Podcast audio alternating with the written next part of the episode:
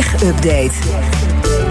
Met Joe van Buurik. Goedemorgen, Joe. Hey, Meindert. Goedemorgen. Elon Musk wil graag met Tesla gaan investeren in India. Ja, dat is logisch dat je dat zegt na een Nou. ontmoeting met premier Modi.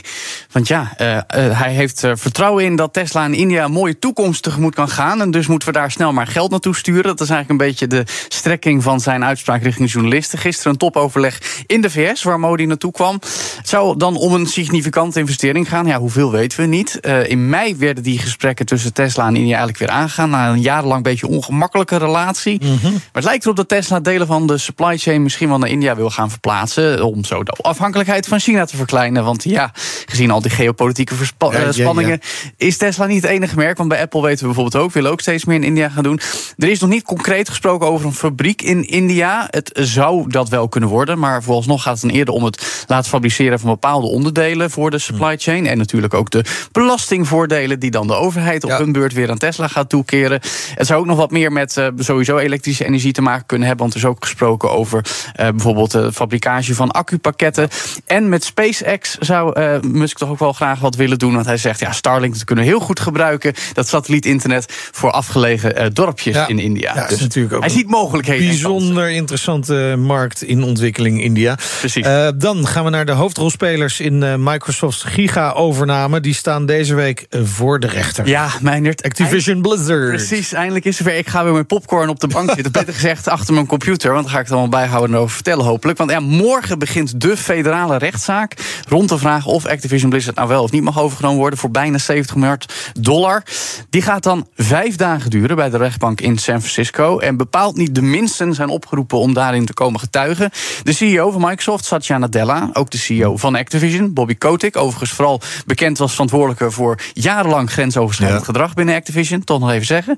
Maar ook de topmensen binnen de game-tak van Microsoft. Onder meer Phil Spencer, daar de CEO. En ondertussen is er nog een beetje een rare parallelle zaak aan de gang, Meindert. Want meerdere Amerikaanse media schrijven afgelopen nacht over een groep gamers. die ook eh, probeert om de deal tegen te houden via de rechter met hun advocatenteam. Maar dat zou dan zijn omdat ze een interne mail zouden hebben bemachtigd. van Microsoft-topmensen die zouden hebben gezegd. Dat de overname alleen zou zijn om Sony PlayStation uit de markt te drukken. Ja, dat suggereert Sony PlayStation soms ook een beetje, maar dan niet Ja. met zulke bewoordingen. Eh, er is een bijlage eh, bij de ingediende juridische documenten met heel veel zwartgelakte passages. Microsoft wilde heel lang niet reageren, maar er is gisteravond een reactie gekomen dat ze zeggen: ja, maar dit gaat om een mail uit 2019. En toen was deze overname nog lang niet aan de orde. Ah, oké. Dus er lijkt iets te zijn gezocht bij een zaak die Ja, ja, ja. Nou, daar niet van toe, op van toepassing is. In elk geval de zaak eh, van de FTC, daar gaat de focus op, want die gaat echt alles bepalen. 29 juni moeten we dan weten wat er gaat gebeuren. En dat is dan in ieder geval nog op tijd voor de deadline van 18 juli. Want als de deal dan niet rond is, moet Microsoft 3 miljard euro eh, ja, eh, dollar vergoeding betalen aan Ja. Activision. Dat weten ze niet. Ja, maar even nog heel even terug naar de reden waarom eh, die overname niet goedgekeurd zou kunnen worden. Omdat de, de FTC eigenlijk oordeelt dat ehm, als Microsoft Activision overneemt, ze te machtig worden in de gamesindustrie. Sony PlayStation als concurrent is het daar natuurlijk roerend mee eens. Ehm, maar ja, de vraag is of de FTC echt zo'n sterke case heeft gemaakt. En daar moet de federale, eh, federale rechter dus een uitspraak over. Ja, dan nog ander opvallend eh, game nieuws. Want eh, bij uitgever Electronic Arts gaat een boel veranderen. Ja, een interne reorganisatie. Waarbij het niet helemaal duidelijk is of er ook ontslagen gaan vallen. Maar wel grote teams en het leiderschap gaat worden veranderd. Dat heeft de CEO Andrew Wilson gisteravond bekendgemaakt. Grootste merkbare verschil voor ons gaat worden, Meindert, dat de labels gaan veranderen. We hebben daar EA Games en EA Sports. Ja. Die laatste kennen we van de Formule 1 en voetbalspellen. Tot dit jaar bekend onder de naam FIFA, maar die deal houdt op. Eh, de naam EA Games gaat worden veranderd in EA Entertainment. En dat zou er dan op wijzen dat EA misschien wel meer wil gaan doen dan alleen videospellen Series. maken. Series, films, wellicht Ja. andere dingen die je met de bekende IP's kan doen.